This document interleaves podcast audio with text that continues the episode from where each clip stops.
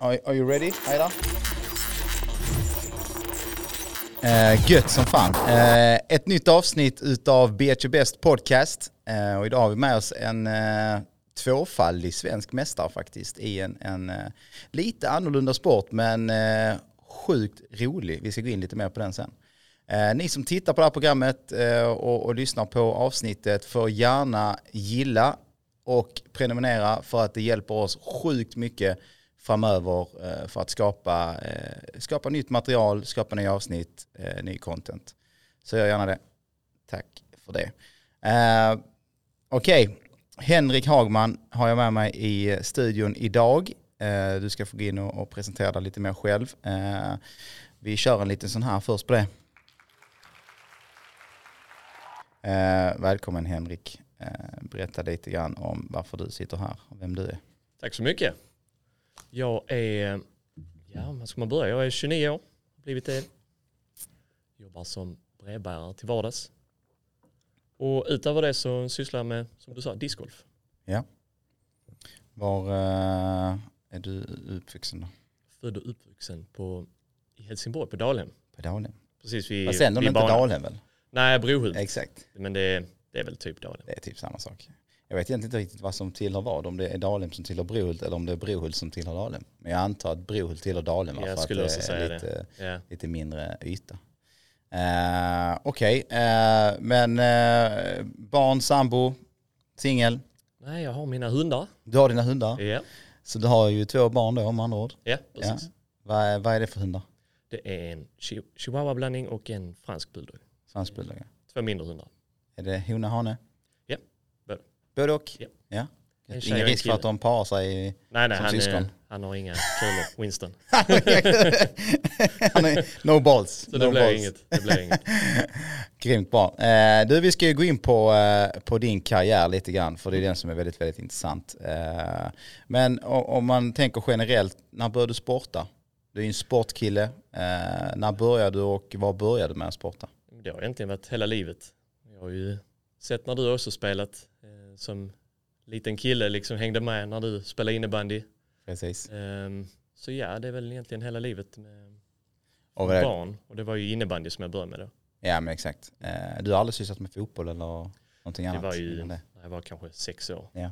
Fotboll, pingis, innebandy och sen blev det ju discgolf. Ja. Men uh, okej, okay, om man kör en liten kortis på innebandyn då. Mm. Du, du uh, dina bröder spelar också innebandy, eh, jag spelar innebandy. Eh, vi fostrades ju i eh, dåvarande Högaborg Ramlösa.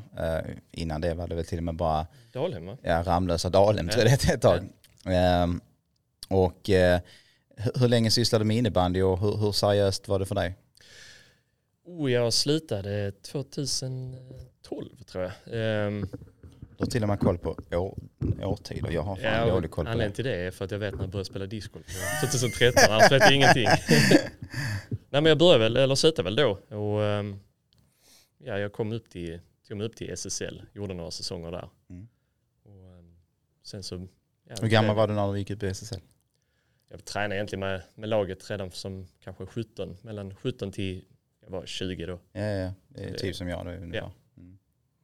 Va, I SSL då, fick du, fick du chansen eller du kände rätt så tidigt att nej, det, det, är inte, det är inte min grej det här, jag pallar inte satsa mer eller hur, hur egentligen var de första säsongerna i SSL? Jag var där när, ehm, när vi hade tre tränare som Vidar var inne på ju. Mm. Ehm, det var det året då. Och de satsade rätt så mycket med utländska spelare. Och vi från undre ledet då, alltså vi, vi var ju Sveriges bästa lag. Mm. Hade de bästa spelarna. Men det var så tuff konkurrens i laget så att det, det blev mycket nöta bänk och kanske bara mm. komma in, spela några få matcher och några inhopp. Mm. Jag känner igen det. Yeah. Det, det är nog väldigt vanligt att det är så att man, mm. man kommer upp eh, som 16, 17, 18-åring kanske, eh, nöter mycket bänk. Det, det, tar ganska mycket på psyket. Mm. Från att kanske varit eh, den, den mest tongivande spelaren i, i, i det juniorlaget. Eh. Framförallt eh, alla spelare som vi hade där, där är bara två spelare kvar mm. eh, som spelar idag, vad jag vet.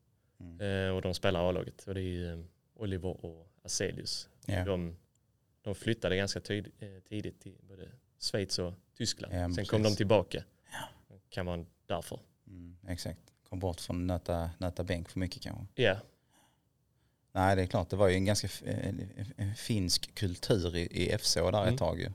Precis. Då blir det ju svårt att, att, att kanske fylla på med, med juniorerna. ja, en annan anledning till jag slutade också var att jag, alltså det, blev, det blev alldeles för mycket. Mm. Och, eh, på den tiden så fanns inte det som det finns idag. Till exempel du kan utbilda dig själv egentligen på internet med, med träning. Mm. Hur viktigt det är att du fyller på med protein och kolhydrater och allt sånt. Nej precis. Och det var ingen som egentligen berättade för oss i laget hur man skulle äta. Nej. För tränar du så pass mycket så måste du fylla på för att komma upp Mm. igen. Men som, som för mig då, jag tränade så åker man ju ner och sen så känner man att man inte blir bättre, vad gör man då? Då tränar man ännu mer. Mm. Och egentligen så blir det bara sämre då. Mm. Och detta har jag fattat kanske, det tog mig fem år efteråt. Att Mm. jag, fan, det, det var inte bra. Eh, Jag tror att eh, faktiskt eh, det här är så sjukt vanligt, för jag pratade med Vidar lite om detta också faktiskt, för jag har ju, eh, jag är lite äldre än dig och, eh, och, och på min tid var det ju inte bättre. Eh, Mm. det, det måste ju nästan snarare varit sämre faktiskt. Ja. Eh, vi, vi, när Vidar kom in i bilden så gick vi från att, eh, jag ska inte säga rakt av, jag kommer inte ihåg exakt vad vi åt och så vidare, men, men eh, jag har för mig att det var någon allas pastasallad liksom mer eller mindre, Mm. eh, till att faktiskt äta en ganska vettig måltid på Scandic. Eh, och, och, och det är klart, det är ju ett steg upp. Men det är ju fortfarande inte så att jag kanske åt rätt eh, under de andra dagarna när vi inte hade match Mm. eh, och visste exakt vad jag skulle äta för vi hade ingen kostrådgivare direkt. Så jag, jag tror att, jag hoppas det är bättre idag där ute, att, att ungdomarna är mer medvetna om vad de ska äta och hur mycket de ska äta och när de ska äta Mm. och om de behöver ha något annat intag av, eh, ja, låt säga något kosttillskott eller så här, eh, för att kunna prestera bäst. Ja, Och men proteinshake och sånt, jättebra att ta efter en träning. Ja. Ett träningspass där. Exakt.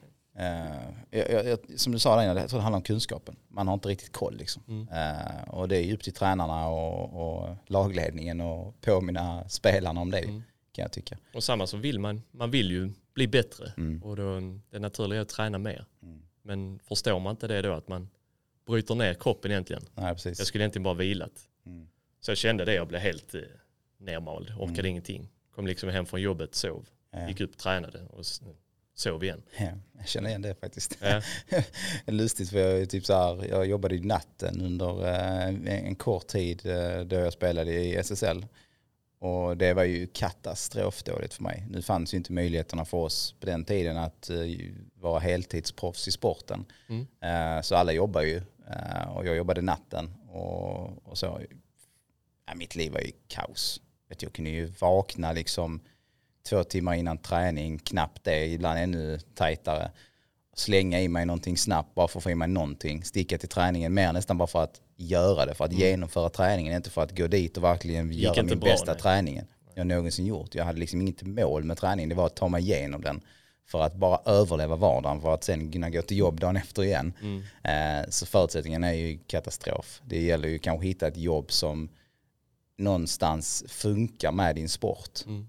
Eh, Och jättebra om du kan gå ner och jobba kanske 75% eller någonting sånt här. Eh, För det är väldigt, väldigt tufft att få ihop det faktiskt. Eh, Det jag. jättesvårt. Mm. Och framförallt när det är ett lag. Du kan ju inte, du kan inte bara säga jag tränar tre gånger denna veckan. Nej. Nej, det går Vad inte. händer då? Ja, men då Ja, får du du spela spela, ja. 0% chans att du spelar då. Och framförallt när man är i en sån situation som kanske både du och jag var när vi kom upp i A-laget och, Mm. jag kommer ihåg min andra eller tredje säsong. Eh, jag vet att jag faktiskt inte tog upp det här med Vidar senast för, jag ville inte gå in för mycket på min egen karriär och, och, och, och så vidare Mm. eh, med Vidar i och med att han var min tränare. Eh, det blev så personligt.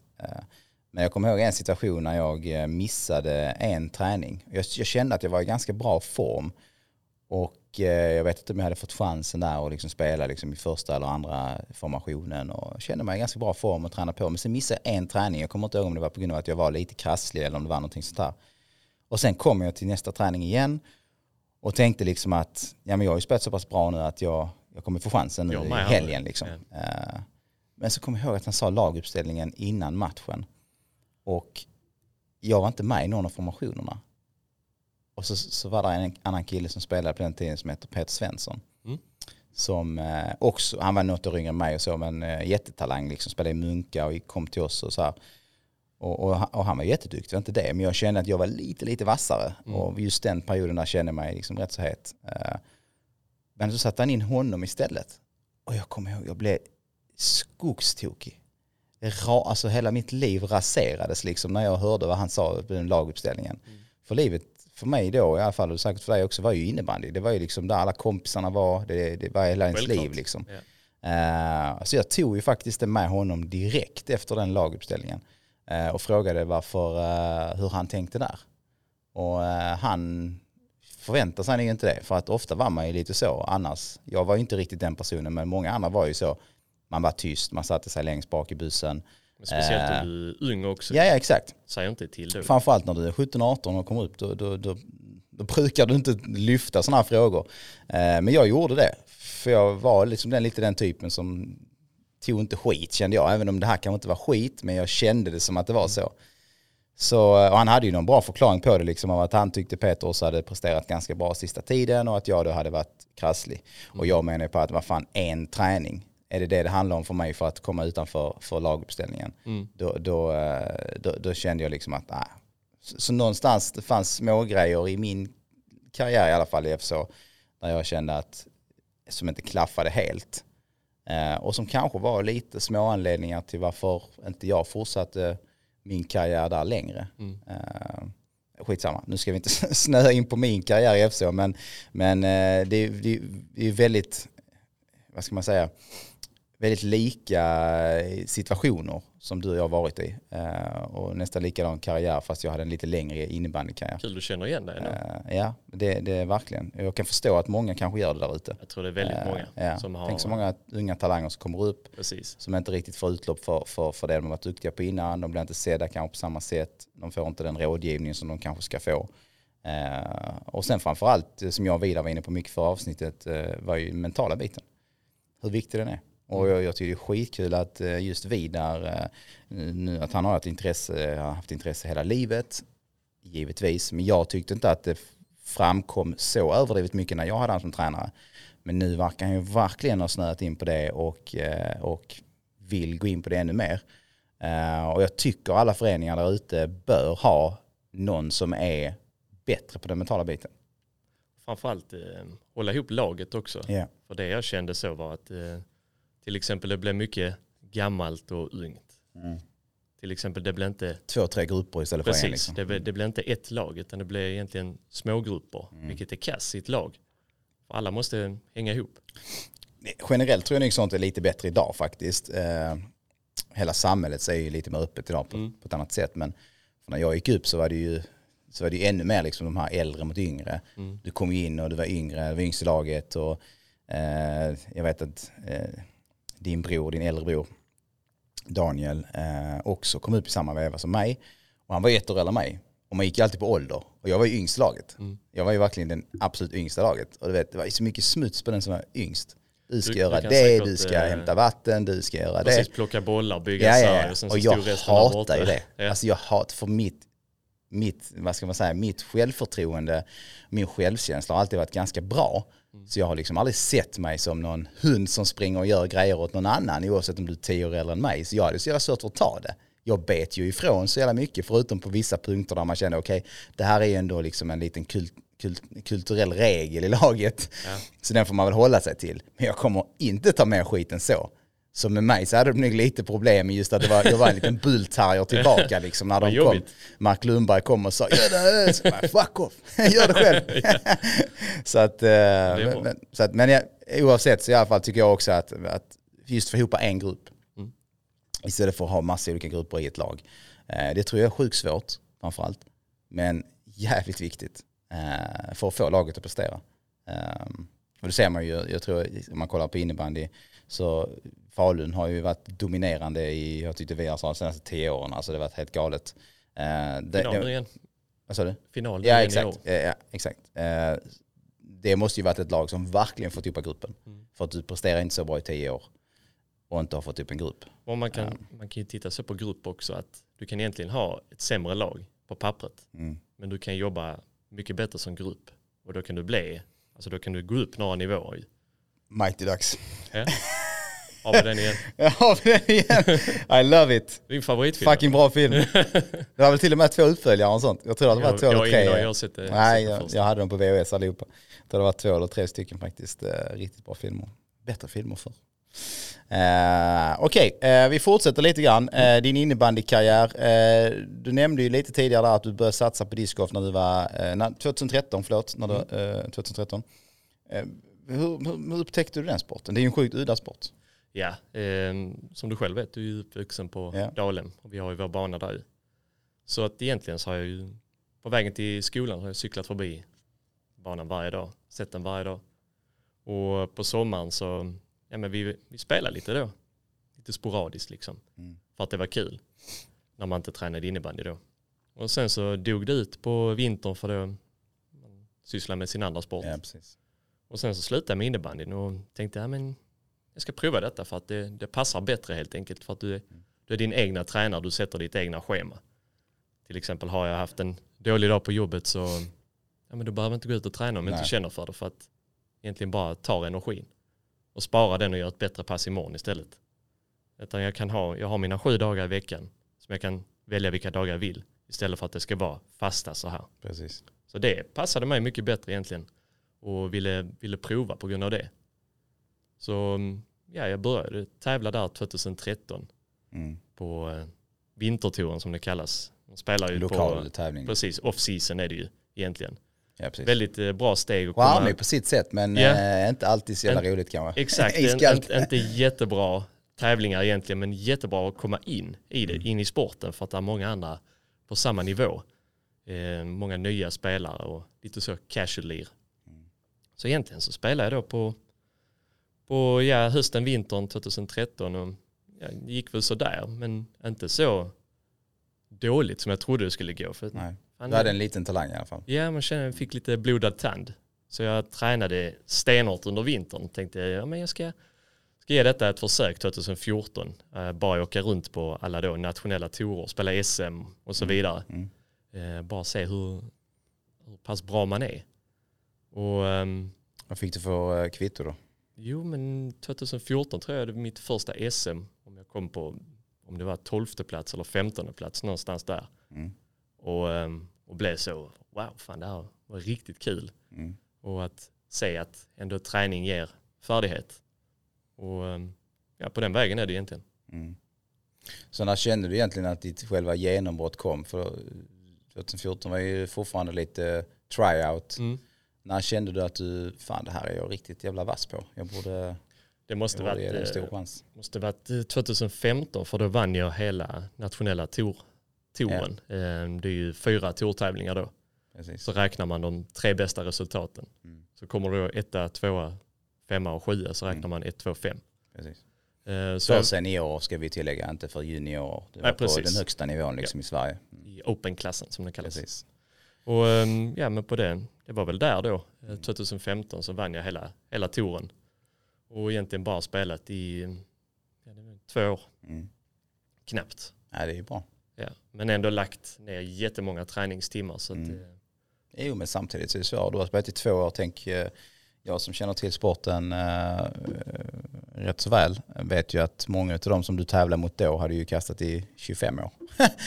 alltså de är rutinerade rävar. Eh, så jag menar två år det är ju ingen tid oavsett om du tränar nästan varje dag. nej, precis. Och det är ju em, mycket erfarenhet man ska Precis. ha också. Ja, och den mentala biten kommer ju verkligen in i spel när det kommer till, till discgolf. Vi kommer ju komma in lite mer på discgolf för de som inte är fullt insatta på hur det funkar eh, och, och så vidare. Så att eh, 2015 så vann du ju nationella touren.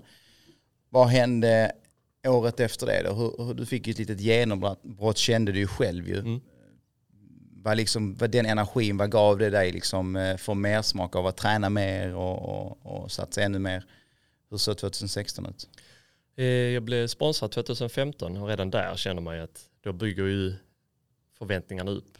Och när du då går in till 2016 då vet man ju att om du har vunnit touren innan då är man inte någon no-namer innan som jag varit, som jag kände att jag var. Nej. Jag kunde, ja men ingen brydde sig egentligen hur det gick för mig. Eh, Jag kunde göra lite vad jag ville. Och n- 2016 så, ja men det blev lite förväntningar både av mig själv och andra också. att man syns mer och, och så vidare. Mm. Ehm, så 2016 var det ju SM i Malmö, Lund. Och ehm, i finalrundan, jag kommer ihåg jag ledde och kommer till de sista tre hålen så jag vet inte, alltså det har inget, alltså det var inte dåligt för mig, jag spelade inte dåligt utan han som vann var bättre bara. Mm. Och, ehm, någonstans där var det lite så, inte mentalt, men jag lärde mig mer av en förlust om man säger så, för det var ingen förlust egentligen. För, jag fortfarande, för mig var det ett SM-silver, Mm. men jag, jag vann så mycket mer än bara ett silver. Mm, jag fattar. Du, du vet ju att du någonstans startade en, en, en karriär av att du faktiskt kan ta guld. Mm. Eh, Och det kommer fler SM. Eh, Och det kommer vi in på så att du faktiskt har gjort. Eh, Men eh, det är kul att du säger det för att jag menar även om du vet att du presterar bra så finns det ju andra spelare där ute som faktiskt kan prestera bättre. Mm. Som du inte kan påverka. Så jag menar, du kan göra ditt yttersta, spela fantastisk discgolf. Men det kanske är någon som spelar snäppet lite bättre Mm. och du blir tvåa. Så att det är ett bra sätt som du säger, det är ett bra mindset för att verkligen ta det och, och göra om det till energi eh, och komma tillbaka eh, bättre nästa år. Ja, men man lär sig så mycket av misstag, är det ju inte. Det var det ju inte. Men ändå, så nära men ändå så långt ifrån. Mm. Du, när vi ändå är inne på SM, eh, för det är så att eh, du tog ju faktiskt SM-guld eh, efter det. Eh, vilket år var det? 2018. 2018, då tog du ditt första SM-guld, individuella SM-guld i discgolf. Ja. Eh, och sen så faktiskt eh, försvarade du det även näst, året efter va? Så 2018 vann jag Örebro. Eh, Då var du själv med på tävlingen. Med, Eh, Så avslutningen. Vann med ett kast. Och sen eh, 2019 var det i Västervik. Då var det mer avslappnat. Jag tror jag vann med tre eller fyra efter att ha safeat hem det. Och samma år, 2019, så vann jag ett SM-guld till i par, pargolf. Just det. Och då spelar man ju dubbel. Så ja, i par helt enkelt. Ja. Så, Så tre, tre SM-guld. SM-guld, ett silver. Mm. Och fler ska det bli, Ja, är förhoppningsvis. tanken. Ja. Gött. Eh, jag tänkte vi skulle faktiskt spela upp lite grann från ditt andra SM-guld. Mm. Eh, för det finns bra, eh, eh, bra material på det på YouTube. Eh, och så kan du liksom eh, ja, berätta lite kort eh, vad som hände. Och samtidigt så faktiskt går vi igenom lite grann vad discgolf är för de som inte riktigt har koll på det. Mm. Berätta lite grann om, om va- varför man kastar den frisbeen där och varför man kastar den andra frisbeen där. Mm. Och vad skillnaden är givetvis och vad man ska tänka på när man kastar. Och ja, vad man ska tänka på om man vill börja testa den här sporten. Eh, så att jag ska sätta igång ett eh, klipp här. Ska vi se, här har vi ju... Eh, men det var front nine detta va? Ja, så här den börjar. Ja Detta exakt. ju, här har vi front nine. Så det här är inför eh, sista 18. Mm. Och här ligger du på första plats tillsammans med Robin Willman på minus 28. Ja. Eh, vilket betyder att man, eh, ja, precis som i vanlig golf, eh, ligger 28 under par. Banans par. Efter fem runder då. Efter 500 precis. Eller fyra blir det. Detta blir ju femte. Eh, sen har vi ju litet glapp till trean och så vidare sen här efter. Så att egentligen dig och Robin, det står lite kanske mellan här då eller? Ja. Eh, och du och Robin är ju också lite, lite vänner, goda vänner eh, och lite så. så att, eh, eh, hur kändes det inför, inför eh, finalrundan? Kommer du ihåg dina känslor? Ja, absolut. Jag, ehm, jag hade ju förberett mig väldigt bra. Jag hade en tydlig gameplan och ehm, jag tycker att jag själv spelar bäst när det är någonting att spela för. Mm. Så att det, jag var väl förberedd och tyckte att jag var taggad och ehm, ville göra det bästa av det. Mm. Men eh, okej, men vad var gameplanen? Minns du det? Eh, Ja, men gameplan som så att man lägger upp vilka diskar man ska kasta var. Mm. Inte, inte bli beroende av det. Alltså om, om till exempel du kastar en speciell disk Mm. och det blir jättebra att jag ändrar då till att kasta samma typ. Mm. Jag harma. Mm. Utan att man gör, eh, man gör samma eh, som man gjort tidigare under. För det har ändå funkat, vilket man ser på resultatet. Ja men exakt, och kan du bara hålla här kanske, för man vet ju någonstans när man går in i en final Mm. eh, och framförallt kanske in i SM-final, att det kommer lite nerver på spel. Mm. Och har du dina nerver innanför tröjan så kanske inte Robin har det, eller de andra som är med. I, Men framförallt i en, en grej som jag brukar tänka på det är alltså att man attackerar. Är, du kan inte spela passivt. Nej, För då, då spelar du som du inte brukar. Utan Precis. att fortsätta attackera för, som man har gjort tidigare. Bara fortsätta mala. Mm. Ja, det sätter ju både, både liksom lite griller i huvudet på dina, dina eh, vet du det, eh, Motståndare. motståndare eh, också givetvis. Om de Mm. säger att du attackerar och verkligen går för kasten och, och lägger den under korgen liksom istället för att safea. Det händer ju mycket i huvudet på, på dina motståndare då faktiskt. Så att, eh, intressant. Men eh, oavsett här i alla fall, eh, när vi, innan vi går in på rundan här så eh, kan vi faktiskt göra så att du har ju din discgolfbag med. Och eh, vi behöver inte plocka fram alla diskarna för det är ju jävligt många. Ja. Eh, man, man har ju, hur, hur många frisbee har man med sig ungefär på en runda? Eh, om man är en professionell discgolfare. du får med dig hur många du vill. Men jag, jag brukar ha med mig 25. 25? Ja. Ja, då tänker ju många så här, 25 diskar, är han dum i huvudet? Eller Kastar han alla ska dem? han kasta alla dem? Vilket hål ska han kasta dem på? Eh, men det är ju faktiskt så att du, du hamnar i olika situationer ju, och du kastar kanske inte alla 25 på en runda. Det kanske Nej. kastar 10 på en runda. Där, där och- är ju några backup också. Ja. Fall, ibland spelar man vattenbanor. Och ja, det precis. kan det vara ett i tre hål kanske som är vattenhål. Ja. Blir man av med någon då är det ju, vill du ha den igen ju. Så, Ja, men precis. så därför är det några backups också. Ja. Och sen kan man ju faktiskt också kasta bort den eh, ja, i skogen eller ja, var fan Mm. som helst och inte hitta den ju. Eh, Ja. Lite egentligen som i vanlig golf också när man slår bort en golfboll. Så det är bra med backups. Eh, men Men 25, man måste, måste vara förberedd också ehm, på det hela. Man måste vara beredd för alla kast. precis. Fattar, man, man kommer lite olika stationer och det är det vi kommer in på lite grann här för folk kommer undra lite grann var, varför har man 25 eh, diskar frisbee i sin bag. Eh, kan du ta fram eh, kanske dina fem viktigaste? Vi kör de här då. Vi kör dessa. Ja. Eh, Okej, vi börjar så här, för nu har jag ju lite fusk för att jag har faktiskt sysslat med den här sporten lite själv också. Ja, du, du är inte Så- nybörjare. Jag är inte helt nybörjare. Jag har faktiskt ett SM-guld jag också, fast inte som senior, som junior. Eh, I alla fall, eh, vi börjar med den trubbigaste. Mm. Eh, och den har du faktiskt ett eget litet tryck på också. Eh, Yes. den, där står ju 2018-2019 Swedish Champion, Henrik Hagman. Eh, den är lite trubbigare. Vad gör man med den? Det är, den du håller i en putter och den, den är till för kortare kast och i korgen då såklart. Och, eh, men kontrollerade kast den är väldigt lätt eh, både för nybörjare och Mm. proffsen då för att, att hantera. Mm. Så kontrollerade kast och korta kast, allt sånt. Oftast lite skönare att hålla i också. Mm. Det är inte så vass kant. Man har bra, bra känsla med dem. Mm, exakt. Eh, sen kommer vi till en lite trubbigare som heter A2. Som ser ut så här. Det är en approach disk, den brukar jag kasta forehand med. Ja. Eh, Det är precis som i tennis, du har backhand forehand. Rörelsen ser i princip likadan ut också. Mm. Så eh, den spelar in mycket med. Eh, Allt från 30 till 100 meter Mm. till korgen då.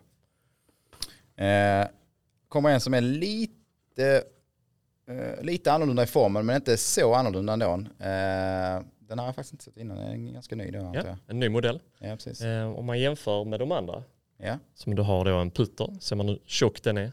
Sen har du då nästa approachen som är mitt emellan och sen så kommer midrangen där. Ehm, som du sa, den skiljer sig inte så mycket, men det är, själva flykten Mm. är jätteannorlunda. Mm. Och midrangen kastar mellan 50 till 100 meter. Mm. Och ehm, den, när man ska lågt i tak, men kanske inte så långt. Och eh, den, den flyger på bättre än en putter, lite Ja. längre, men med samma kontroll ungefär. Precis. Eh, och sen går vi in på två stycken som är lite spetsigare i formen. Yes, det där är en hybrid kallar man det. Ja. Mellanting mellan en driver och en midrange skulle man kunna säga. Ja. Eh, flyger inte lika långt som den andra gula som du har där. Om man jämför de två under till, om du håller upp dem, så ser man då hur rimmen, alltså den tjocka, hur, eh, vilken skillnad det är, den, den till vänster här, är, eh, är bredare och smalare. Mm. Eh, det, det den ska göra då, den skär genom luften mycket snabbare, alltså går den längre också. Precis. Så den här D2 går längre än den andra. Ja. ja. Eh, hur långt kastar man ungefär med en sån här? Hur långt kastar du med? Jag kastar mellan 100, 100 meter och 160. Ja. Ganska långt. Ja, det är långt. Många tänker ju 160 meter, helvete, går en frisbee så långt liksom. Men varsekordet är ju, men det kanske är lite dopat varsekord i vind i öknen och så vidare. Ja. Men hur långt är varsekordet idag, vet du det det? är 300, 311 och sånt. Men Ja. som du säger, det är dopat. De går ut i öknen när det Ja, blåser orkan Ja. och kastar upp den i rätt vinkel. Precis. Så tar ju vinden den och flyger iväg. Så att, Ja. men, men på bana kan man ju någonstans ändå säga att 160 meter på bana är väldigt, väldigt långt. Det är ju Du är känd för golfkast. Ja, ja, Ja, det är exakt. golfkast i så fall, det är inga längdkast. Det är, Mm. det är stor skillnad på det. Precis. Eh, men så i alla fall så här kan det ju se ut. Eh, i en, eh, så att om man, om man skulle kasta frisbee och inte eh, tävla på professionell nivå så skulle man ju kunna klara sig ganska väl med fem frisbee då ju. Ja. Fem diskar. Eh, så man behöver inte ha 25. Så att egentligen har du dessa och sen har du då. Framförallt puttern då, det, det, den är ju den bästa för en nybörjare då. Ja, precis. Väldigt lätt att kontrollera. Eh, grymt. Eh, vi ska gå in och kolla lite grann på, eh, eh, på din runda. Och den som börjar är ju såklart eh, du, för du Mm. leder. Ledaren. Och den jag håller i är den som vi eh, gick igenom här, A2. Som jag sa, jag kastar forehand med. Ja. Det var ju ett ganska bra kast. Ja, hur långt var det? Sju- 72 ungefär. Ja, ett bra leende där på dig också. eh, Efter. Det är rätt så skönt att komma ut med ett bra kast kanske första hålet på en sista runda. Precis, det sätter standarden direkt. direkt. Ja. Ja. Jag brukar, så, eh, brukar ha som tanke då inför första hålet, spelar ingen roll vilken tävling det är. Alltså bara ta ett par ja. egentligen Ja. för att komma igång. Där, vi ska stoppa lite där, för där är lite grann också vi kommer in på, på, eh, på en rätt så spännande sak. Du, du, du kastar först, du lägger den i princip en halv meter från korgen. Mm. Du kan inte missa den putten, du bara lägger i den. Du har, du har en säker birdie här. Mm. Eh, killen Robin i detta fallet här som är efter dig, eh, kommer ut efter och säger att du har lagt den under korg. Det är som att du liksom är Iceman, du bara går ut och lägger den under korgen. Han drar den in i mer eller mindre tredje trädet här och den studsar in till vänster. Mm.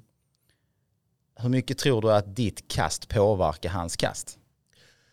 Oh, svårt att säga men absolut, det tror jag nog. Rent mentalt. Ja, bara mentalt. Ehm, Det är klart det är tufft att se men där måste man också hålla sig till Mm. sitt egna spel som vi var inne på lite innan. Mm. Hålla sig till sin gameplan, inte bli ja, att man blir psykad av andra. Nej. Just för att de kastar lätt, bra. Ja, exakt. Det är väldigt lätt att, att säga att man inte ska bli det, men Mm. det är väldigt svårt att inte bli det. Eh, I detta fallet här så, så såg det ju ut som att han faktiskt blev det. Mm. Det kanske inte han blev. Nu ska vi inte hänga ut han för det, men, men i det här fallet när du liksom bara går fram, du bara lägger den under korgen så enkelt som det såg ut eh, och sen kommer han och hålet är ju inte egentligen så svårt. Nej, det, det, Det är ett väldigt enkelt hål det. ju. Eh, Det är inte jättetajt mellan träden och visst där är ju någon form av mando eller vad det är där Mm. framme. Men vad är det, vad sa du, 70 meter, 72 meter. Så att det kanske inte är det svåraste hålet på banan. Nej. Och det, det är lite det också som blir jobbigt när du har det som ett starthål. Mm. För att man vet om hur lätt det är. Ja. Så står man där kanske nervös och Nästan så att du vill ha en säker birdie här för att börja rundan Ja. med. Men så kanske han istället åker på en, en han kanske räddar ett par här, eller var man tvungen att komma igenom första hindret för att måste lägga ut den han måste lägga ut den. Okej, så han kanske gör en, en, en boogie här helt enkelt. som bäst. som bäst kanske till och med och tappar två kast direkt. Eh, ja. Eh, vi kollar vidare lite grann här. Eh, så här kan det ju se ut på, på en, discgolfbana som sagt. Detta är en liten skogsbana I Västervik. eh, i Västervik. Där är de kända för mycket skog i Västervik. Men för de som inte har kastat discgolf eller frisbeegolf som många känner till det som eh, tidigare. Eh, hur funkar det liksom? Vad, vad regler? Eh, vad ska man tänka på? Eh, vad är det vi ser här på tvn? Det är ju precis som golf, bara att du använder andra redskap om man säger så. Det är ju samma, samma språk. Du har ju birdie, par, boogie och så vidare. Ehm, och sen så är det ju ja, men terminologin som jag sa där och, och själva vindspelet är ju också likt golf. Eh, hur man vill, var man vill landa och hur Mm. man ska tänka. Så det, det är precis som golf, bara att du använder andra grejer. Mm. Vad, vad, liksom, nu hade ni ju ett ganska kort hål här. Vi, vi försöker hitta ett lite längre hål här. Eh, ska vi se om vi har ett här kanske. Typ hål tre. Ja, jag tror det kanske är det hål 3 som kommer här. Mm. Har det kommit till det? Ja, det gör det. Perfekt. Par fyra. Par fyra hål här. Eh, som du säger, här är ett par fyra hål. Mm. För många kanske förknippar discgolf med par tre egentligen på alla hål, att man ska kunna kasta fram till korgen på ett. Här har vi ett par fyra hål. Hur, hur tänker man här då? Kommer han löpa här mitt i banan? Men eh, det här händer ju inte på en riktig golfbana. Det här Nej. händer ju på en discgolfbana. Det är också lite roligt faktiskt att det hände just för att discgolf är ju en rätt så öppen sport. Ja, öppen sport, liten sport. Man lägger banorna oftast i, i, eh, naturen, eh, någonstans där det kanske finns joggare, eh, hundägare eller Mm. ja, eh, och så. Eh, Men berätta här nu, nu har ni ett riktigt, riktigt tajt par fyra år där. Det ser inte jättelätt ut. Eh, jag kastar den i rymden där ser jag. Ja, det, det är Klassisk ett litet halk. Snä, snäsläpp. Men eh, vad, hade du, vad hade du för tanke när du gick ut och nu valde din eh, disk på detta året? Eh, om vi tänker rent till par fyra så blir ju discgolfen mer, mer och mer lik golf på det sättet att du spelar par fyra, par fem. Mm. Det blir längre och längre banor Mm. för att eh, vad diskarna utvecklas, du kastar längre och spelarna blir bättre. Bättre teknik Mm. och allt så. Men om vi ser till detta, detta hålet så har jag ett mindset i princip varje hål att jag ska klara 70% av hålet. Mm. För att ja, men jag ger mig själv en chans och lätt par också. Mm. För klarar du 70% av hålet, ja men då har du inte, har du inte så, så långt kvar. Om det är 100 meter, kastat 70 meter, Mm. då är det lätt att spela in den de sista 30. Så det, är- det, är, min, det är mitt mindset i sådana här hål. Här såg man att du fick lägga ut. Eh, Mm. Och lägga ut menas ju att du kastar ut den från eh, typ eh, skogsdunge eller så här. Nu har du ju då ditt tredje kast här va? Ja, och det var väl ungefär här jag hade tänkt att jag skulle landa på Första, mitt ja. första. Så, Nu fick du ju en enkel, en enkel, en enkelt par. ja, så det, det var inte Trots så att dåligt. du ändå gjorde ett, ett relativt snedsläpp i början. Så att Räddade upp det på bästa du sätt. redde upp det på bra vis. Och, och, och många gånger så är det om du kastar lite snett så vill du kanske kasta in den lite grann i banan igen Mm. och rädda ut paret. Eh, och inte kanske fortsätta harva i skogen. För det är ibland så har man ju faktiskt eh, sett när folk kastar nästan disken bakåt för att komma ut i en fri yta. Det är lite, eh, ja men ska man säga, erfarenhet också. Att vissa de harvar på där ute för att eh, de, de vill absolut inte lägga ut. Nej. För att det är mentalt jobbigt att kanske lägga ut en gång och sen spela in. Ja, men, wastea ett kast Ja, kanske de tänker. precis. Det är det de tänker ju. Mm. Att eh, man hellre vill... Man Man vill ser man här nu att du har minus 29, Robin Ja. minus 28. Eh, så du har tagit ett kast här på tre hål. Mm. Eh, med andra ord. Eh, tänkte vi skulle, ska vi se, ba- back nine här. Vi skulle spola fram till, till slutet av back nine. Eh, när du faktiskt tar hem det. Eh, Okej, eh, vi spolade fram lite grann i den här rundan till det sista hålet. Eh, och på scoreboarden här så ser man att du är minus 35 och Robin minus 27. Så det är ju sju kast till godo här Mm. inför sista hålet, eh, vilket du absolut inte kan sabotera. Det jag minns från detta var att jag kollade livescoren i telefonen. Eh, får jag för mig att Linus Karlsson hade gjort en bra runda innan. ja, Han spelar ju i gruppen före. Eh, så han har gått om de här, de som är minus 27. Men jag för mig ledde med fyra eller fem kast ja, inför detta hålet. Eh, så min tanke här var bara jag ska spela, spela hem det för par. mm, Eller jag har råd med boogie också, dubbelboogie. Så att Precis. eh, här vet jag ju om att jag har vunnit egentligen. mm. Det ska mycket till för att du ska kunna göra ett sämre resultat än så. Ja. Men eh, okej, tillbaka lite grann till eh, just de som inte har, eh, har kastat innan. Eh, vi kommer ju se dig ta hem ett SM-guld här. Eh, men det som sagt, det vet vi ju redan att du kommer göra. Har många kast godo. Ja. De, som vill, de som vill börja kasta då, vad, vad, hur, hur gör man då?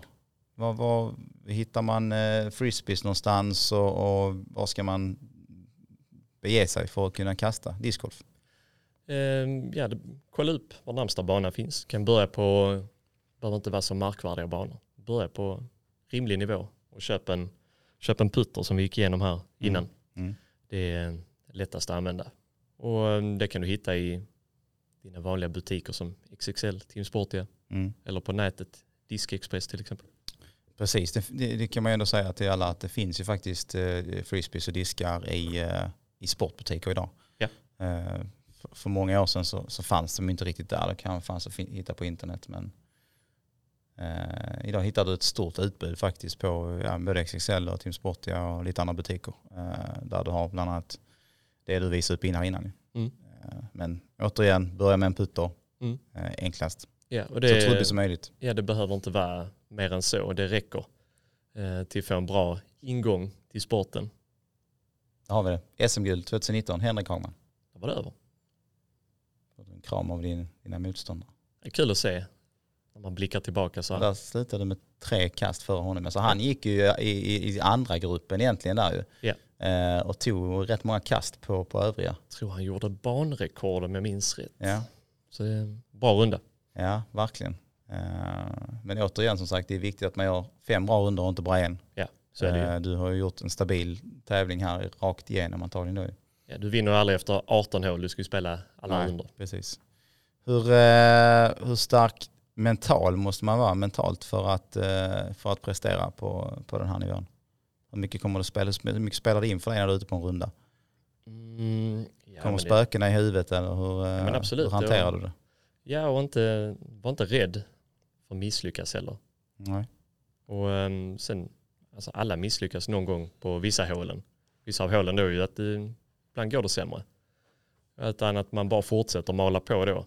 Inte, inte blir påverkad av något annat egentligen. Nej. Så att eh, absolut, man måste vara stark där Mm. i det mentala. Men även ha byggt lite erfarenhet.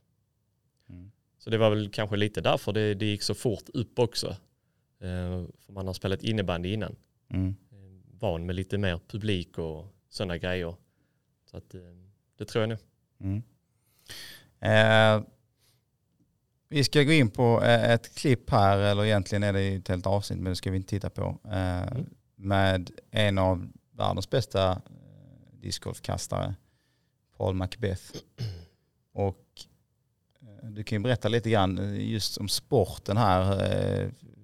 Vilken tillväxt är sporten och vilka länder växer den mest i? Här som vi ser nu är vi i USA och där är ju eh, discgolf störst. Efter det har vi Finland och sen blir det ju Sverige skulle man säga är tredje störst då. Mm.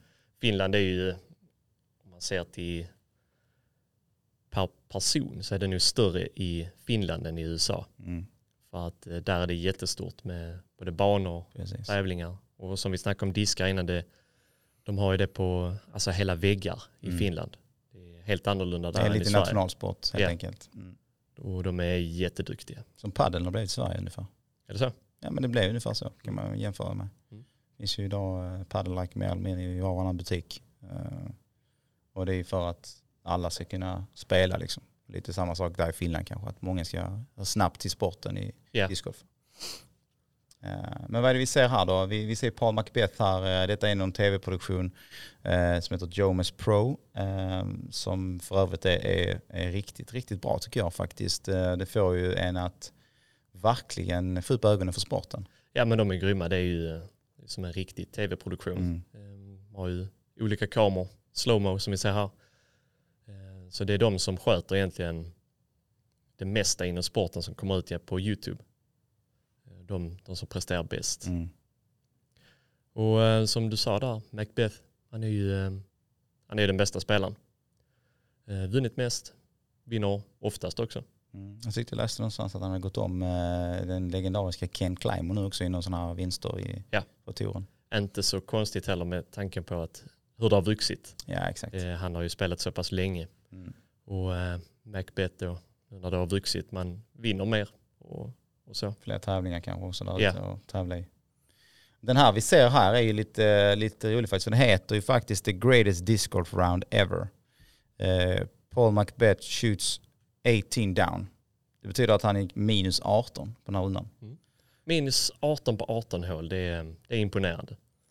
Han har ju mer eller mindre inte fått kasta ett enda kast fel under den här rundan. Han gjorde ett par och en eagle, resten birdie. Som, Ja, exakt. Så här nu här, kommer va? en eagle. Det är alltså två under par på en par femma här då.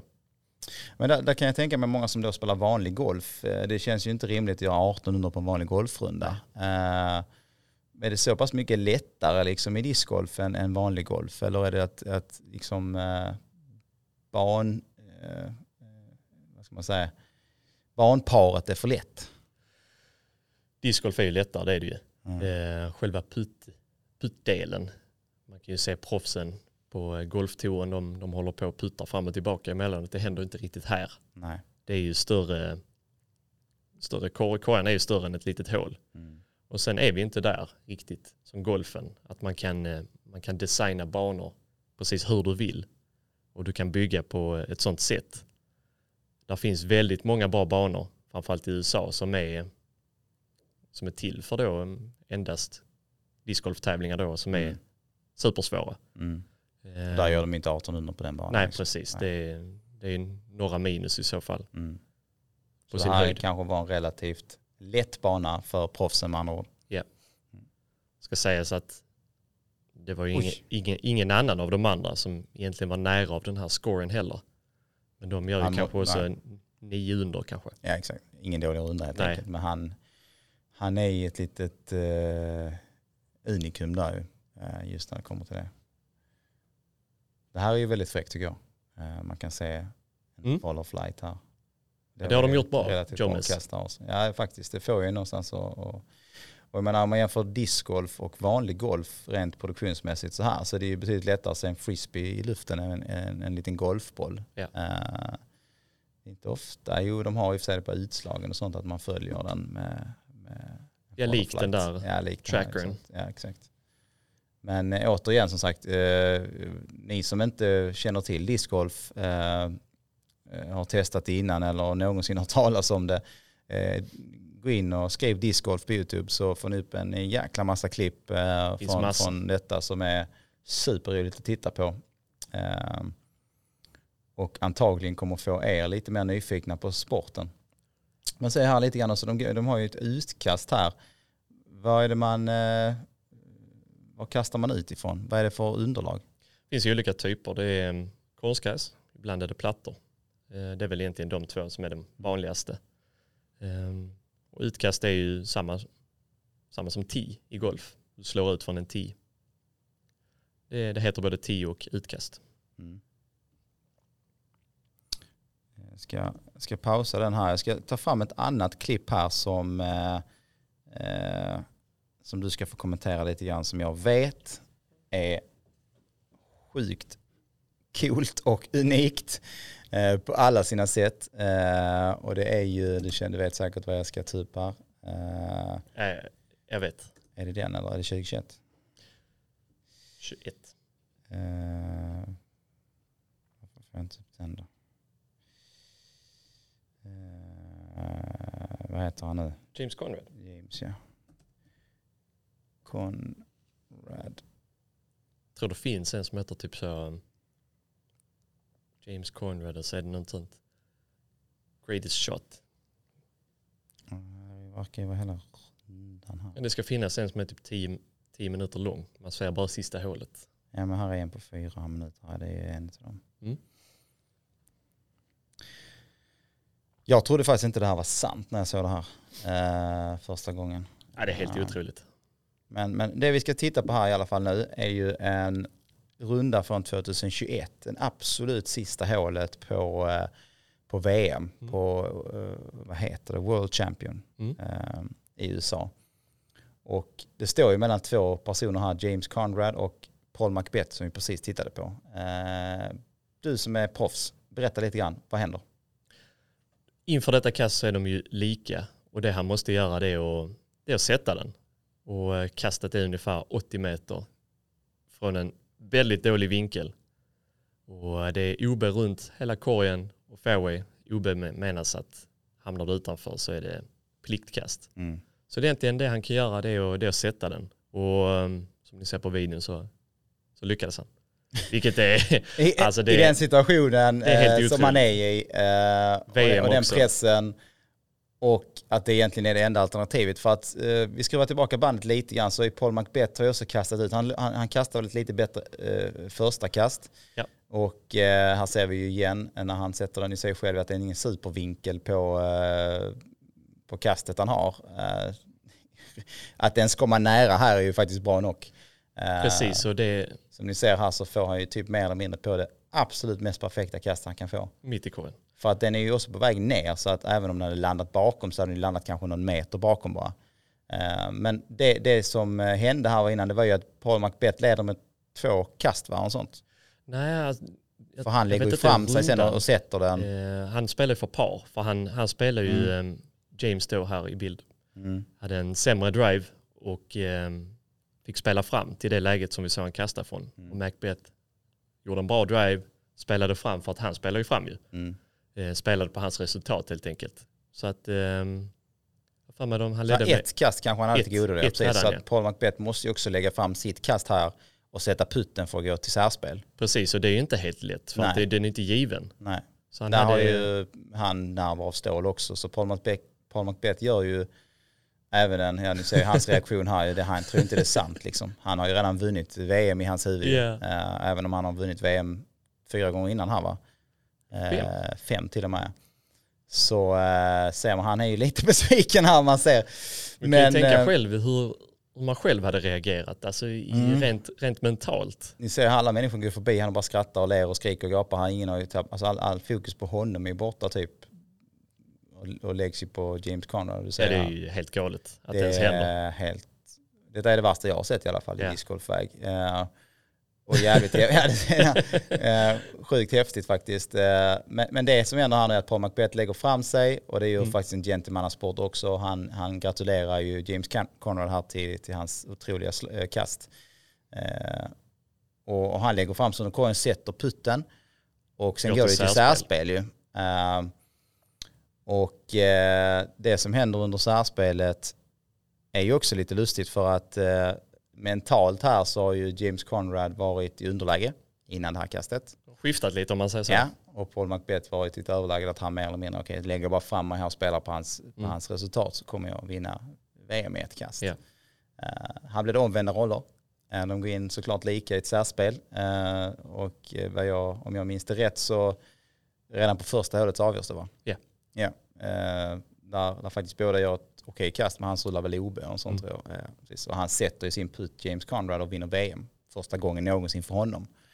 Och, och jag tror att många blev väldigt glada för honom för att eh, han, han, han kämpar på liksom och Paul Macbeth har vunnit fem gånger innan. Mm. Han har det bästa sponsoravtalet i världen, eh, tjänar mest pengar. Eh, oftast kanske lättare att unna någon som inte har det, Mm. minst. Eh, Det så är rätt det här kul att se en, eh, publiken där, hur, eh, och om man hör och läser kommentarer efteråt, att Mm. många som tyckte det var så gött att Macbeth inte vann. Nej, precis. Då ser man hur djupt det sitter i huvudet på folk att han har Mm. tagit sig in där och eh, vunnit fem, fem Mm. VM och allt annat han har vunnit också. Ja, precis. Att de är nästan trötta på att han vinner. Mm. Förstår man hur duktig han är. Ja, exakt. Ja, det är ju häftigt i, i sig faktiskt. Men eh, så det här är nästan en liten, eh, liten saga i sig, just att han, han går och vinner här. Eh, Har VM 2022 varit, nej det har det inte ju. I augusti. Det går i augusti, precis. Och då ska ju han försvara sitt VM-guld. Tror du han gör det? det? Tror jag inte. Det är, mm, han är mer en skogsspelare skulle jag säga. Mm. Var den här banan var då. Mm. Det är mer en öppen bana, mer vind. Absolut, han är duktig på det men inte, inte som de andra. Så det Nej. tror jag inte. Nej. Eh, sjukt kul, intressant att se faktiskt. Eh, och som sagt, ni som inte har tittat innan, gå in och titta för att det är Helt otroligt. ja, väldigt, väldigt eh, rolig sport att titta på på, på YouTube faktiskt. Mm. Eh, men du, om vi, om vi kommer tillbaka till lite din karriär, eh, vad har du för målsättning med discgolfen då? Eh, jag har alltid sagt att jag vill bli så bra jag bara kan. Och ehm, nästa mål är ju att åka till USA och spela. Mm. Så förhoppningsvis VM i augusti som vi snackade om nyss. Mm. Och ehm, jag har egentligen inga mål där för att Men Kommer du in där då? Är det någon Ja. kvali- kvali- kvalifikation för att komma in där? det är ratingmässigt. Ja. Och, ehm, jag kvalar över. Mm. Så det är anmäla sig och sen åka. Mm. Så det är Kul. Var skulle det hållas någonstans? Emporia, Kansas. I Kansas. Det är väl i mitten i USA någonstans, lite upp. Ja. Om jag minns rätt. Lagom. Mm. Inte för mycket söder och inte för mycket norr. Nej, mycket Men- vindar. Mycket vindar, men det är du van vid. Mm. Det har ju aldrig varit en eh, vindfri dag i Helsingborg. Nej, det, Kan vi det är samma där ju. Ja, står uppe på Brohult Dalhem så eh, på, på hål eh, före detta fem säger jag ju för att det är ju, det, Toppen. det hette ju fem när jag började kasta en gång i tiden. Kanske är annat hålnummer idag men eh, då är vi ju någonstans upp mot en, vad är vi, en 15-20 meter uppåt. 15 kanske. 15 kanske. Ja. Där blåser det väldigt mycket oftast. Så du är van vid vindarna. Ja, ja men det är jag.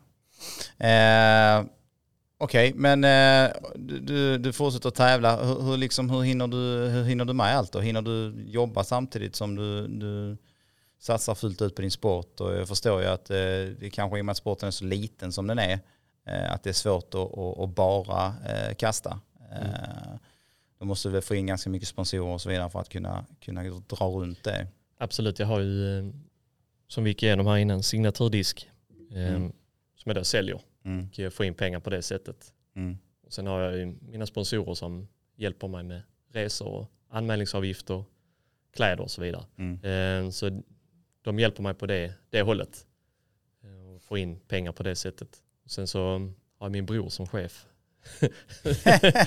Vilket hjälper en hel del när man ska ta ledigt. Att eh, man kanske inte kan ta strödagar Nej, egentligen. jag fattar. Men eh, lättare att ringa sin brorsa och säga du, och som dessutom då älskar discgolf själv.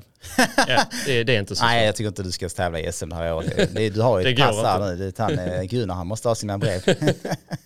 Så det, det passar bra. ja, nej det är klart, det, är bra förutsättningar. Men absolut som du säger, det är svårt att få ihop allting. Mm. Det tar mycket på krafterna. Jag har valt detta året att inte tävla så mycket. Nej. För jag märkte det förra året, det blev alldeles för mycket och man drar på sig småskador. Till Mm. exempel här i fingrarna, armbågen. Mm. tar mycket stryk. Att man måste vila, ha några helger. Så att man hinner, Återigen, som vi pratade om tidigare i, början här, att just vila. man vill för mycket. Det är ju det. Men hur, eh, hur mycket tränar du eh, förutom discgolf då? Hur viktigt är det att, att eh, vara på gymmet och kanske lite ute i löpspåret och så? Jag gymmar en hel del. Ehm, Dels för att jag tycker det är kul. Och sen att det är väldigt nyttigt också. Märkte det mitt spel då 2018. Att det, det blir stor skillnad. Mm.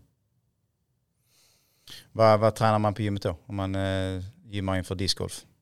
Väldigt Det är inte bickarna direkt. Nej, det är, det är ingen discopump. Det är ju nästan det är di- disco, discgolf. Eh, nej men vad, vad, vad är bäst att träna liksom? Är det bål och rygg och så här, stabilitet? väldigt mycket bål. Mm. Du, du kastar igenom bålen ju Mm. när du roterar. Så det är ju ja, bålstabilitet som du säger. Väldigt mycket bål. Det är där du hämtar all kraft ifrån. Mm. För att kasta 160 meter så måste man ju gymma lite med andra ord. Ja, ja li, lite. Ja, ja, men men det du- ser man ju samma som i vanlig golf när Tiger Woods eh, kom in i golfen och slog Precis. kanske 30-40 30-40 meter längre än alla andra. Mm. Vilket är en stor fördel i golf. Eh, och faktiskt var på gymmet väldigt mycket också förutom på, golfbanan. Han hade ju en, liksom en väldigt tränad kropp och så kom de andra med liksom ölmage. Jag eller tänker att eh, går du på gymmet så blir du bättre i vilken, form, eh, Mm. vilken sport du än utövar. Spelar du dart som kanske inte är Mm. någon fysisk sport. Nej men det är jag hållning tänker ju- och precis, det är allting liksom. Ja, det måste ju bli bättre. Mm. Ja men det är intressant. Eh, vi ska faktiskt bolla över lite grann på en annan grej som är sjukt viktig eh, och som eh, är, är eh, man, en, en stor, ett stort samtalsämne där ute idag. Eh, och väldigt vanligt faktiskt att man har eller drabbas av. Och eh, det är din sjukdom som du fick när du var 12 år gammal. Berätta, vad hände? Vad fick Ja. du? Jag är diabetiker. Ja. Och, ehm, så hur man upptäckte det var att jag var 12 år. Och jag var sjuk i princip hela tiden. Väldigt svag, klen, man äter inget. eh. Så mamma tog mig till vårdcentralen och de tog ett blodsocker. Ehm, Och det var så högt så de kunde inte mäta det på, på mätaren. Oj. Och när vi kom ut därifrån så började min mamma gråta i bilen. Och jag satt bredvid, jag fattade ingenting. Nej, för hon förstod direkt. Ja. Ja, ja, ja precis. Hon, de hade ju berättat att Mm. det är, det är diabetes så jag vet ju inte vad det är. Nej, exakt.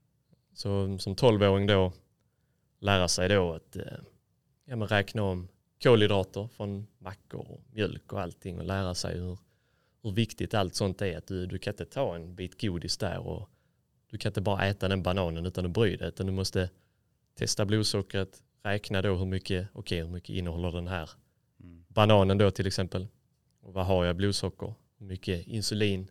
Så det är väldigt svårt men nu, ehm, nu när man har vant sig vid det så är det, ju, det är inga problem längre. Precis, du, Och, du har eh, levt med det nu i 12 när du fick det och idag är du 29. 29 så det är ganska många år som du faktiskt har lärt Ja. dig leva med det. Eh, Det är inga problem. Och um, utvecklingen har gått spikrakt uppåt skulle jag säga. Ehm, det var mycket mäckigare förr mm. och nu är det mycket lättare med tekniken. Och sen är jag tacksam att man bor i Sverige också. Att slippa lägga pengar på det på det sättet. För det kan ju kosta en del om du får betala allt det själv. Mm. kan kosta jättemycket som man ser då i till exempel USA. Många som bara skiter i det. Mm. Och för att de kanske inte har råd eller vill Ja, lägga pengar på det och då, då mår man sämre. Mm. Ja, du kan ju dö, dö av det liksom. Ja. Det, det, är, det är många som har gjort. Mm. Eh, och så vidare. Om inte du kan hantera det och ju yngre då är det så svårare kanske det att hantera det. Missköter du det så dina organ slutar fungera. Du Mm. börjar se sämre Mm. och allt sånt. Mm. Bryter ner kroppen. Men eh, okej, vi tar, tar oss tillbaka till bilen när din mamma visste det och du fattade ingenting. Eh, du är ändå 12 år gammal, då är man ändå en ganska förstående vad som händer med livet. Liten men Eh, ändå, nästan, ändå stor. Exakt. När du väl förstod liksom vad det innebar, vad, vad kände du? Vad, liksom, hur, hur förändrades ditt liv? Liksom? Jag ville bli inlagd på sjukhus eh, därefter ju. Mm. Och jag kommer ihåg min lärare kom och besökte mig, kom med lite böcker och grejer. Och ehm, ja, men sen, det tog ju, man fick ju lära sig av eh, doktorerna där. Mm. De förklarar ju vad man ska göra och, och så. Och man var ju självklart besviken. Eh, varför det händer en själv och ingen annan. Varför just jag, tänker man. Mm. Varför ska detta hända För du är mig? liksom 12 år gammal, du Ja. liksom, Jag har inte gjort något fel nej, egentligen. du har inte gjort så. någonting innan det. Jag har inte ätit mig till det. Nej. Som, Nej, för exakt. Det får vi också vara lite, lite tydliga med här att eh, just diabetes typ 1 som du har Mm. är ingenting du kan äta dig till. nej, det är det någonting du du, har. du får det. Du får det. Eller ärver det. Mm. Och typ 2 drabbar ju de som är äldre och överviktiga. Precis. Eh, men eh, hur, hur, hur liksom är skillnaden idag jämfört med, låt säga 10 år sedan, när du Mm. var 19? Eh, då har du ändå levt med det i, i sju år. Eh, och var vuxen kan man väl ändå säga i 19 års ålder. Är det, är det mycket lättare idag? Finns det andra maskiner och apparater som styr det och så för dig? Eller hur, hur ser en vardag ut liksom med, med din sjukdom? Absolut, om vi går tillbaka till den tiden så var det ju mycket stick i fingret. Mm. Eh, ta blodprov. Test då. Eh, och sen har man ju insulinpumpen är ju kvar. Den har jag kvar fortfarande. Funkar ju jättebra. Om man jämför då idag så har jag en, en sensor som ser ut så här ungefär. Mm. Den sitter ju på baksidan av armen. Mm. Och den skannar man med mobilen. Så jag behöver inte ha med något annat som man hade förr. hade man en sån liten väska. Mm. Där hade du en sån penna med stickor och test, testnålar och allt det där. Och eh, ja, men det blir aldrig bra. Du kanske inte kunde tvätta dina händer heller på om du är ute. Så blir inte värdet helt, helt bra heller. Nej. Som man gör nu när man bara skannar så får du resultatet direkt. Mm. Och innan då med blodprovet där så skulle den räkna då om vi går tillbaka ännu längre, 30 sekunder så kom det upp att det, det blev felaktigt för du gör igen Mm. och så bara hålla på. Ja, det är en jävla skillnad idag. Mm. Ja det är mycket, mycket, mycket smidigare. Så att eh, så får, man, får man reda på att man har det idag så finns det mycket smidigare lösningar för, för, för det börjar man väl redan med direkt. Va? Det är inte en speciell ålder som man får en, den här lösningen som du har idag. Den kan man väl börja med ganska tidigt också? Eller? Ja du måste lära dig standard då. Ja. Du har ju dina insulinpennor Ja, eh, som man sprutar in i magen då. ja. Ehm, Så du måste kunna basic sen så kan du köra allt annat Ja. också. Eh, Den här skjuter in lite, eh, har du någonting som skjuter in insulin till dig automatiskt? Ha en insulinpump. Ja. Och, ehm, Måste du ta och spruta manuellt också utöver det Nej. eller den sköter det? den sköter, alltså jag, jag knappar in hur mycket jag ska ha Mm. då. Och, ehm, Och den sover du med innan. och allting också? den är på hela tiden förutom när jag idrottar. Mm. Okej, men det är intressant ändå faktiskt. För hur, hur- hur gör du då när du idrottar? Då kopplar jag av den, lägger den i väskan och sen kör jag på. Och uh, ungefär efter två timmar så måste jag koppla på den igen för då har man varit utan insulin. Och eh, då måste jag ha, ha lite så jag brukar äta något lite fort då. Sen tar vi av den igen. Men o- om man, om man nu liksom är i en liknande situation som dig och man inte riktigt kanske får, eh, eller om man får reda på att man faktiskt eh, har diabetes, eh, vad ska man tänka på? För jag menar, många idrottare där ute och satsar på sina sporter och så. Vad, är det något speciellt tips du kan ge dem för att klara liksom göra det? Ehm, ja, men var, var förberedd alltid. På, eh, ha med dig druvsocker och så. Så att det alltid räkna med att det kan, går inte alltid jättebra. Nej. Men att man alltid är förberedd på grejerna och eh, både innan och efteråt också vara uppmärksam.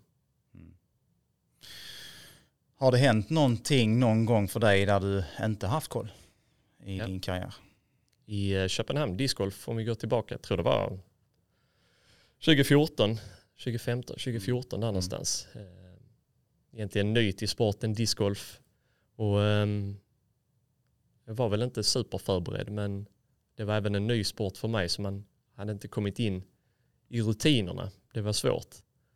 Eh, jag minns det var jättekallt på morgonen så jag hade klätt mig varmt och sen så blev det, det var i april, slutet på april, och sen blev det jättevarmt. Och jag um, kände att eh, jag blev helt dränerad. Och det jag kommer ihåg var att jag kastade ut på ett hål och kände att jag var superlåg. Så jag tog, tog ett helt paket druvsocker egentligen. Mm. Bara körde in i munnen. Mm. Och sen så ehm, nästa utkast så hade jag, ehm, jag satt på min stol och hade tuppat av. De sa det, det är din tur, det är din tur. Va? Ah, ah, fan. Så jag kastade ut och sen så gick de andra. Jag hade inte berättat att jag har diabetes. Nej, nej, nej. Hade jag sagt det från början så hade, Nej, de, hade ju, de ju hade de inte reagerat så ju. Mm. Eh, och sen det jag minns när jag skulle kasta mitt andra kast var att det var helt svart och att eh, jag hörde de andra sa att eh, ring ambulans. Och, ehm, Så pass illa. ja och sen så vaknade jag upp i spelarcentret där borta att, eh, liksom helt, Mm. helt groggy. Hade jag kollapsat på banan ju. Och ehm, det jag minns var att jag spelade jättebra. Fram, fram tills dess. Ja, fram tills dess. Så jag var så besviken på det, Fattar. det hände. Men även bra för man lär sig. Mm. Det- Vad skulle du gjort annorlunda då? Jag skulle varit mer noggrann, mer uppmärksam. Mm. Måste, som jag gör nu, att jag spelar något eller några hål, testar och sen så kör man vidare så att det inte händer igen. För jag bara körde på. Du vet man är inne i sitt mode. Man, Mm. man tänker inte på något annat och sen helt plötsligt bara mår du skitdåligt och trillar ihop. Hade jag varit mer upp- uppmärksam så hade, hade jag ju fixat det redan 20 minuter innan. Ja men precis, och jag menar här har du ändå haft, du har ju levt med din sjukdom i så många år Mm. Och du gör det dagligen och du vet ju om det. Ja. Trots allt så eh, glömmer du ändå det för en liten sekund. Ja, jag var ju inne i mitt tävlingsmode där som Mm. jag sa, det var en ny sport för mig. Jag gjorde bort mig helt enkelt. Att jag, Mm. ja, man lär sig av sina misstag och det har jag gjort därifrån. Så egentligen eh, tipset vi ger alla där ute är ju noggrannhet, struktur i sin sjukdom helt Rutiner är enkelt. jätteviktigt. Rutiner. Eh, rutiner är viktigt generellt i livet för, Ja. för att verkligen göra saker. Men när du har en sån här sjukdom så är det ju extra viktigt. Mm. Eh, för att man ska ju inte ge upp sina karriärer för att man har diabetes, eller hur? Nej, verkligen inte.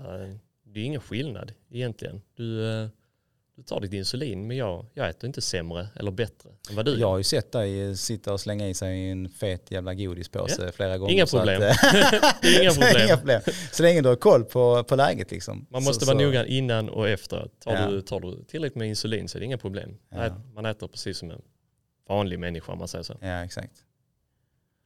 Ja, men eh, som sagt, det är en, en, eh, en bra grej att, att få höra eh, för många tror jag.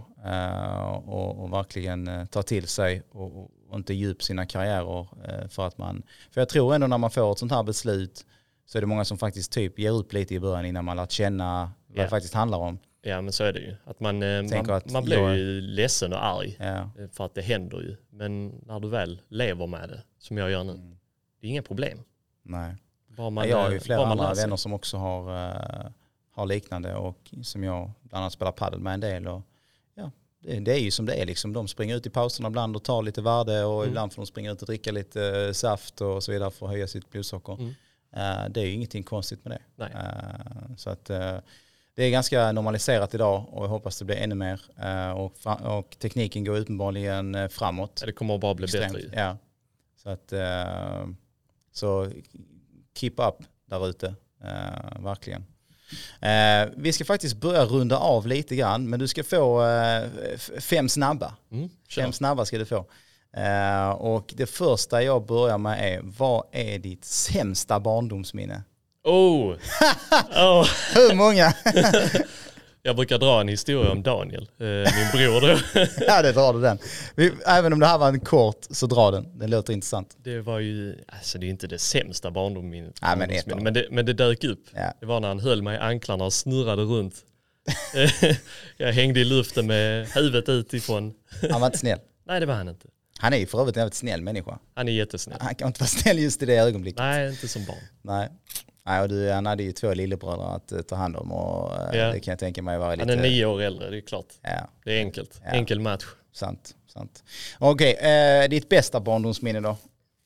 Åh ja, men det är en barndomsminne. Jag har inget som dyker upp direkt, men, ja, att man fick idrotta mycket, spela mycket. Mm. Eh, alla, alla sporter, liksom fotboll och basket och Mm. pingis och allt sånt. Det är jättekul.